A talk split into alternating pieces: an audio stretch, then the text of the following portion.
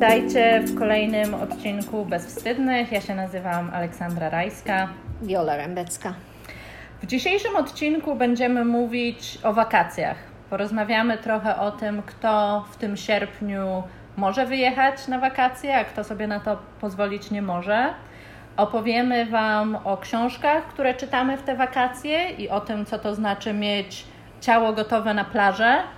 E, I również będą e, moje myśli na temat e, owłosienia i pozbywania się go. Zostańcie z nami. Prawdziwie wakacyjne wątki.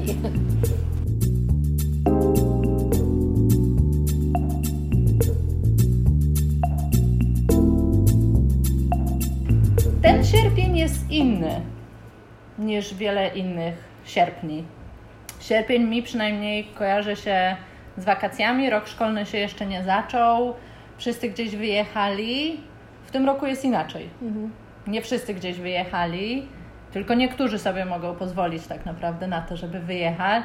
Um, Europa daje szerokie możliwości tym, którzy mają zasoby, tym, którzy nie stracili pracy przez pandemię, tym, którzy mają oszczędności. Z Polski można wyjechać do Francji, można wyjechać do Chorwacji, można wyjechać do innych pięknych miejsc i są osoby, które z tego korzystają, ale wiele osób nie może sobie w tym roku na to pozwolić. Dużo mniej, można powiedzieć, może sobie na to pozwolić z różnych powodów. Z powodu tego, że nie wszyscy cały czas mają pracę, przynajmniej w Stanach Zjednoczonych 30% osób jest w stanie to pracować. Porażające, prawda? Te tak. statystyki, jakie tutaj są w związku z bezrobociem. Mhm. Tak. W Stanach jest rekordowe bezrobocie w tym momencie i tylko 30% osób może pracować bez uszczerbku e, w zarobkach. Tak? I w Polsce też bardzo wiele osób straciło pracę podczas pandemii. Wiele osób musiało zacząć pracować inaczej niż pracowało. I nie każdy sobie teraz na wakacje może pozwolić. Mhm. Tak? Czyli pandemia e, wpłynęła na nasze wakacyjne plany. Czasami, jak oglądam e, zdjęcia z Polski, e, z różnych miejsc, nie widać tego, że pandemia czy, czy, czy wirus no, ma się dobrze. Cały czas się ma dobrze, nie tylko tutaj, ale też i w Polsce. Ale wakacje są wakacjami, jest sierpień, zajmujemy się wakacyjnymi sprawami, czytaniem, e, naszymi ciałami, tym jak wyglądamy, co jemy, gdzie jedziemy, z kim się spotykamy. To się nie zmieniło, chociaż wpłynęło, na pewno, na pewno, na pewno tutaj czujemy bardziej ograniczenia związane z tym, że tak, tak. do końca się oddawać przyjemnościom wakacyjnym jest trudno. Ale myślę, że też warto zaznaczyć, że w tym momencie w Polsce Jesteśmy też w takim momencie, kiedy prawa nie wszystkich dotyczą w ten sam sposób. Akurat dzisiaj jest taki dzień, w którym e, działaczka e, Stop bzdurom. Stop bzdurom została aresztowana i została nawet skazana na dwa miesiące aresztu mm. za to, że przeciwstawiała się hasłom anty-LGBT i antyaborcyjnym. I też można powiedzieć, że jesteśmy w momencie, w którym jakby myślenie o tym, czym jest wolność nie tylko do przemieszczania się, ale czym jest wolność wyrażania się, czym jest wolność życia w taki sposób, w jaki się żyje, jest e, no, pod znakiem zapytania, ale też, e, też nie dla wszystkich dostępna. To prawda, wspieramy i tutaj jasno i wyraźnie chcemy powiedzieć, że wspieramy e, Stop Bzdurom Wspieramy e, wszelkie działania związane z, z tą organizacją i oczywiście wspieramy wszystkich, którzy zostali zatrzymani pod różnego rodzaju zarzutami. Mamy nadzieję, że taka akcja społeczna, która się przetoczyła przez media, ale też i w rzeczywistości, przełoży się na uwolnienie e, większości osób. Mam nadzieję, że wszystkich, a przede wszystkim, że Margo zostanie uwolniona z aresztu, bo to jest niewiarygodne, że można trafić na dwa miesiące do aresztu za to, że się przeciwstawiamy werbalnie i fizycznie również, protestując w takim znaczeniu, i za to można zostać ukaranym. Więc e, przejdziemy do tematów wakacyjnych, ale polityka nie jest nam obca, wakacje nie są pozbawione polityki. Nigdy.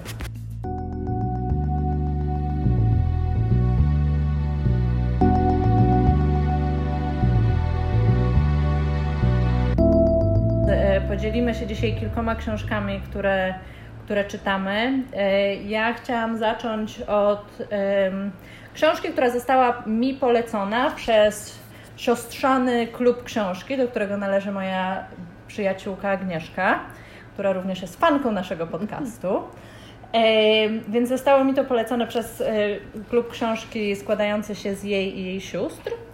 Jest to książka Emily Pine, która się nazywa O tym się nie mówi. Na polski przetłumaczyła ją Joanna Figiel i to jest zbiór esejów osobistych, ale zbiór esejów osobistych bardzo kobiecych. Jest esej związany z opieką nad ojcem Emily, o tym jak ona i jej siostra odnoszą się do starzenia swojego ojca, do wyborów, które on podejmuje. Jest esej o jej stracie, e, po stracie ciąży i o tym, jak starała się później zajść w ciążę, jak później się pogodziła z decyzją o tym, że nie będzie miała dzieci biologicznych. Jest esej w ogóle o ginekologii i o tym, co kobiety przechodzą za każdym razem chodząc do ginekologa i dlaczego gdzieś nazywamy normalnym e, sposób, w jaki kobiety są badane. I miałam właśnie bardzo takie poczucie, czytając jej eseje, i ona też o tym pisze, jakby, że identyfikowanie się z feminizmem to jest tak naprawdę identyfikowanie się z takim kobiecym doświadczeniem świata i z kobiecym doświadczeniem, um, doświadczeniem życia, tak naprawdę. I że inne rzeczy dotykają kobiety, inne rzeczy dotykają e, mężczyzn. Więc to jest książka, o której ja jakoś chciałam powiedzieć. Tematy są, powiedziałabym, mało plażowe. to, to są rzeczy, które są trudne, ale które są bardzo ważne i bardzo poruszające, e, więc wszystkie, wszystkie nasze bezwstydne siostry zachęcam do czytania. No właśnie, no jakoś pomyślałam sobie, że w tym samym klimacie szczególnego plażowania, bo e, książki, które ja teraz e, czytam, też nie, nie bardzo kojarzą się z, z plażą, do której akurat muszę się pochwalić, bo to jest coś, czego czerpię ogromną e, e, frajdę i to jest moje nieustające źródło energii. Mieszkam teraz przy plaży. Więc Potwierdzam. Dla mnie, więc dla mnie plażowanie jest e, codziennym doświadczeniem, czy w większości doświadczeniem i czytuję różne rzeczy. Chociaż rzeczywiście jest taka specyfika tych moich książek, które czytam ostatnio. To, co chciałabym polecić, co właśnie przeczytałam jakiś tydzień czy dwa tygodnie temu skończyłam, to jest Mikołaj Grynberg i jego Poufne, zbiór e, esejów. Ja jestem wielką fanką Mikołaja Grynberga. Mikołaj Grynberg pewnie większości ludzi znany.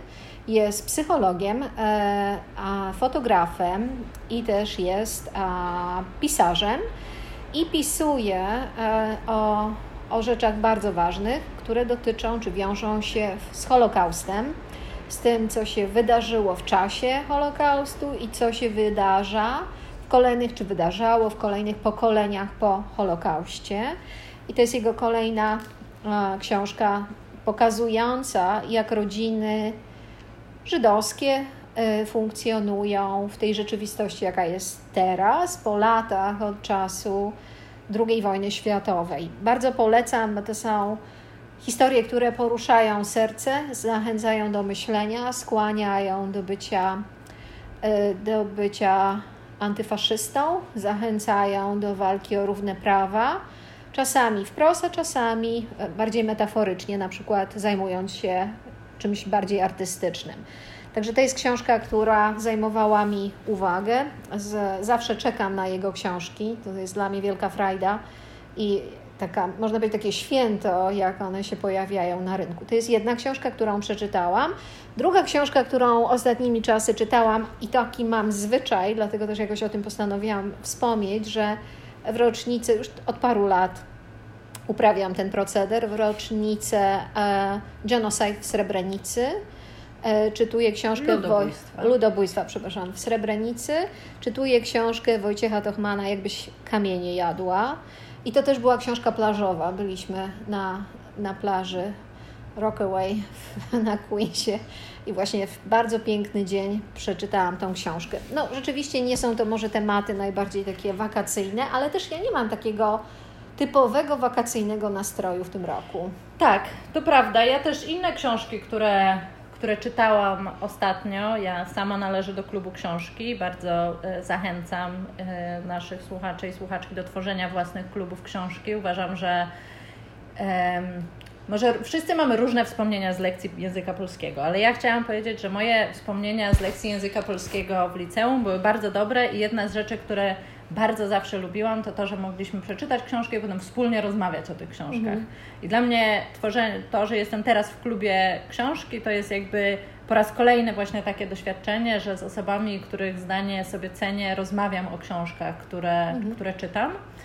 I e, dwie książki, które czytałyśmy teraz właśnie ostatnio na klub książki. Jedna dotyczyła e, morderstwa, była reportażem, e, dotyczyła morderstwa w rezerwacie Indian w północnej Dakocie w Stanach mhm. Zjednoczonych. Tam, I dotyczyła w przyszłości. Tak. I mhm. dotyczyła również e, jakby tematów związanych z tym, w jaki sposób jakby ludność rdzenna Stanów Zjednoczonych jest traktowana teraz i w jaki sposób to, co to, co się wydarzyło, tak naprawdę cały czas ma jakby różne reperkusje i ta książka się nazywa Yellow Bird. E, a druga książka, e, o której ostatnio słyszałam, a sama nie czytałam, ale jest polecana przez e, bliską mi przyjaciółkę i bliską przyjaciółkę tego podcastu, która nawet dzisiaj się mnie pyta, no to kiedy następny odcinek? Więc ona bardzo polecała książkę, która jest o historii, o traumie i o psychoanalizie i nazywa się Landscapes of the Dark. Mhm. I... A nie znam tej książki, Ola. No, Dzięki właśnie. za polecenie. No właśnie, chciałam też powiedzieć, że e, ta, że ta przyjaciółka podcastu e, bardzo również mówiła, że myślała o Tobie. O, nie znając dziękuję. Ciebie bardzo, osobiście, bardzo. ale znając Ciebie, e, słuchając Bezwstydnych, że to jest właśnie temat, który Ciebie by zainteresował. Już to jest książka, którą, mhm. którą ona teraz czyta.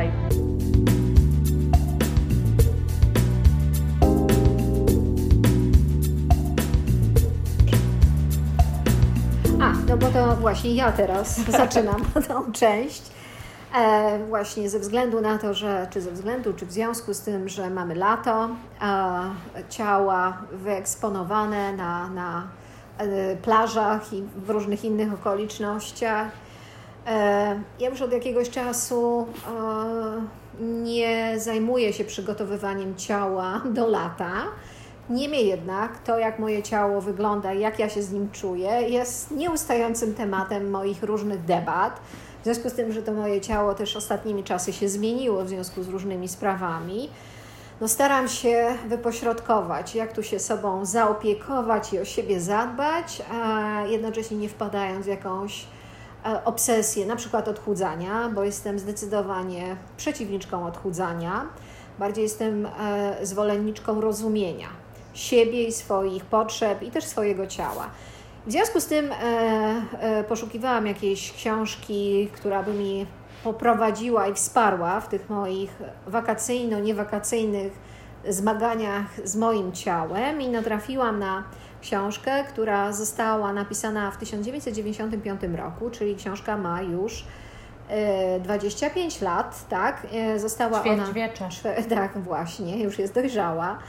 E, tytuł książki Intuitive Eating. E, i to jest taka książka, która podejmuje e, temat diet, temat naszego stosunku do ciała, tego jak my wyglądamy w bardzo taki zróżnicowany sposób, skupiając się na czymś, co moim zdaniem ma bardzo duże znaczenie, to też mi się kojarzy z naszym, czy przypomina nasze szkolenie w, w naszym ukochanym instytucie, o tym, że jeżeli my dobrze czujemy nasze potrzeby, tym samym mamy kontakt z naszą intuicją i to również dotyczy właśnie, a może przede wszystkim tego, jak jemy, kiedy jemy, co jemy, nasze ciało będzie wiedziało, co nam jest potrzebne. I dyskusyjne stają się różnego rodzaju kwestie związane z wagą, no bo ciało się zmienia nieustająco. Jesteśmy pod wpływem kobiety, mężczyźni też, no ale powiedzmy, że teraz uwaga jest teraz przy, przy kobietach pod wpływem hormonów i w różnych momentach życia te hormony mają bardzo istotne znaczenie i one wpływają na to, że czasami jesteśmy mniejsze,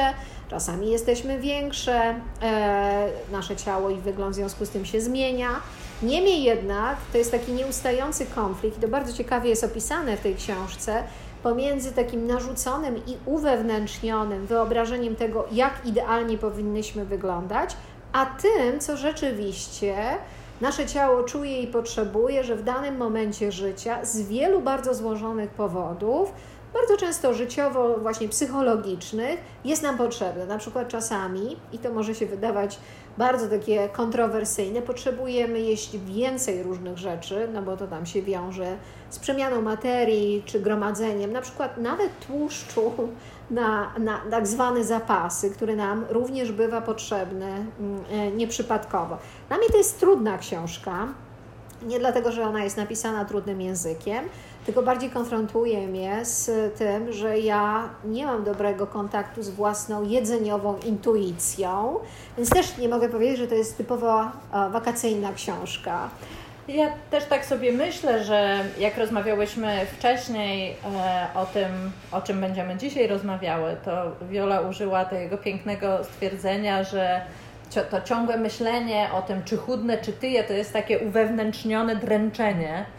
I ja jakoś sobie tak myślę, że niezależnie od tego, jak bardzo jestem mądra, to to uwewnętrznione dręczenie u mnie cały czas istnieje.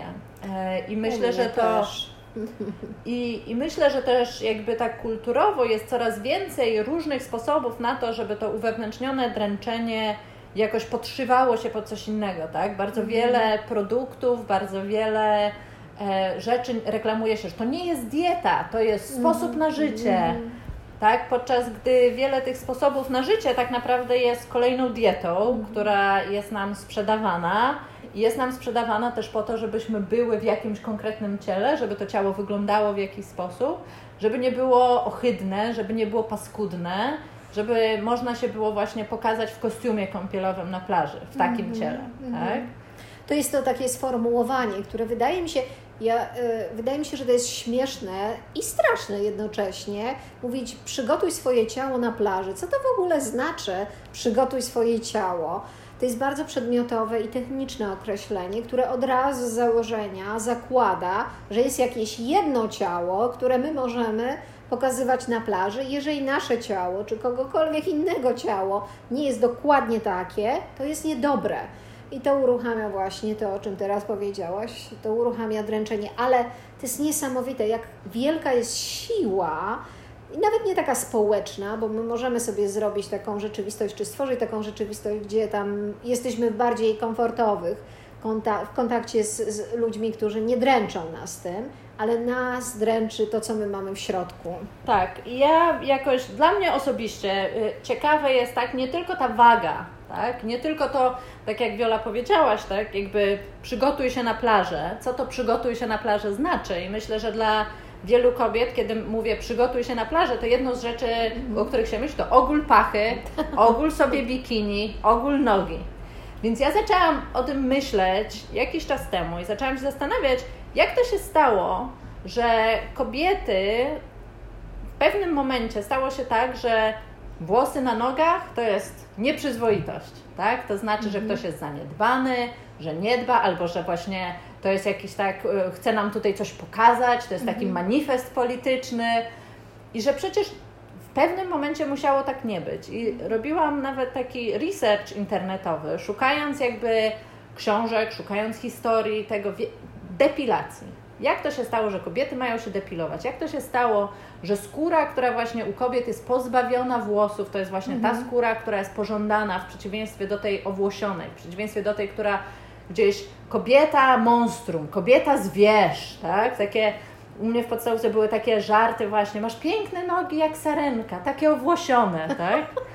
No więc więc jakby ta kobieta, która jest tak naprawdę nie kobietą, a tą sarenką, tak? No więc e, w moich poszukiwaniach natrafiłam na to, że e, to jest po II wojnie światowej. Mhm. Na skutek zmiany przemysłu powojennego i produkcji nylonu i produkcji pończoch nylonowych, które mhm. były prześwitujące, że to był pierwszy moment, w którym jakby te włosy, które prześwitywały spod tych pończoch nylonowych stały się jakby nie tak, jak również wynalazek żyletki, który jakby stał, mm. tak, Gillette, które firma, która produkowała żyletki dla mężczyzn, mm.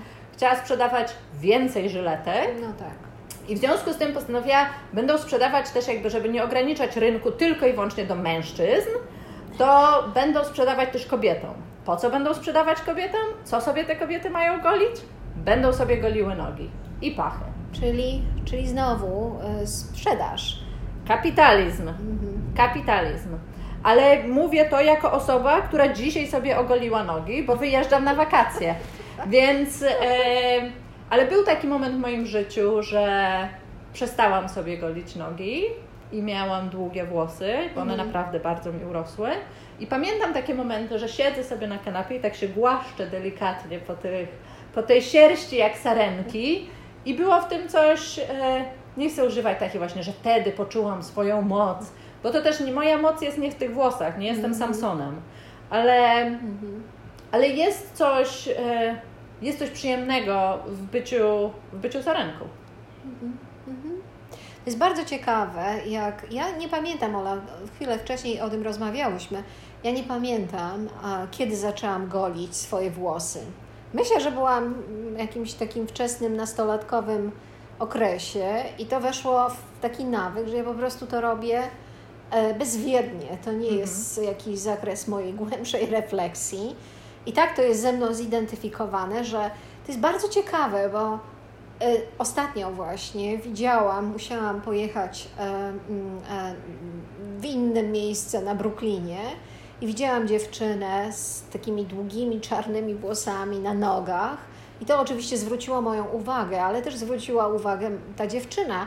I zrobiło to na mnie i ona, i jej włosy. Ogromne wrażenie, też takie estetyczne wrażenie. Ale jednocześnie sobie pomyślałam, że ja bym sobie na coś takiego nigdy nie pozwoliła. I nie jest dla mnie jasne, dlaczego bym sobie to na to nie pozwoliła. Tak, Mhm. tak. A myślę, że golimy nogi, oczywiście, oczywiście to jest oczywiste, żeby napędzać przemysł. Żeby jedno. napędzać kapitalizm. Każdym razem Ale, jak ale w sensie psychologicznym, to jak myślisz, dlaczego golimy nogi? Wiesz co, ja, y, do mnie jakoś przemawia taki jakiś argument, który sama tutaj przedstawiłam, tak? Że to chodzi o to, że kobieta to jest ta, która jest pozbawiona, która ma ciało, ale to, to Mhm. ciało jest produktem, a to nie jest takie ciało biologiczne. To jest kobieta, która Mhm. nigdy nie robi kupy, nigdy nie puszcza bąków, No tak. tak? Nie Nie, ma włosów. włosów, tak? Ona jest jak najdalsza od, e, od tego, co właśnie takie zwierzęce, Mhm. tak? To, to, to jakoś jest coś takiego, co, o czym ja sobie myślę, tak? Mhm, No, ja się w pełni chyba z tym zgadzam. W takim znaczeniu rzeczywiście to wyobrażenie kobiecości jest bardzo określone.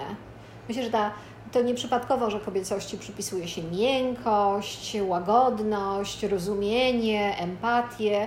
I to bez wątpienia są cechy. Nie, nie sądzę, że tylko kobiet, ale z kobietami powiązane, ale one nie opisują kobiecości w pełen sposób. I ja też myślę sobie, o, też rozmawiałyśmy o tym z Alicją Długołęcką trochę w poprzednim podcaście. Ja sobie też myślę o tym, że to jest taka kobiecość, która jest wiecznie dziewczynką, Mhm. tak? To nie jest kobieta, która się starzeje, to nie jest kobieta, która, e, która siwieje, to jest kobieta, która jest zawsze dziewczynką, która jeszcze właśnie tych włosów nie ma, tak?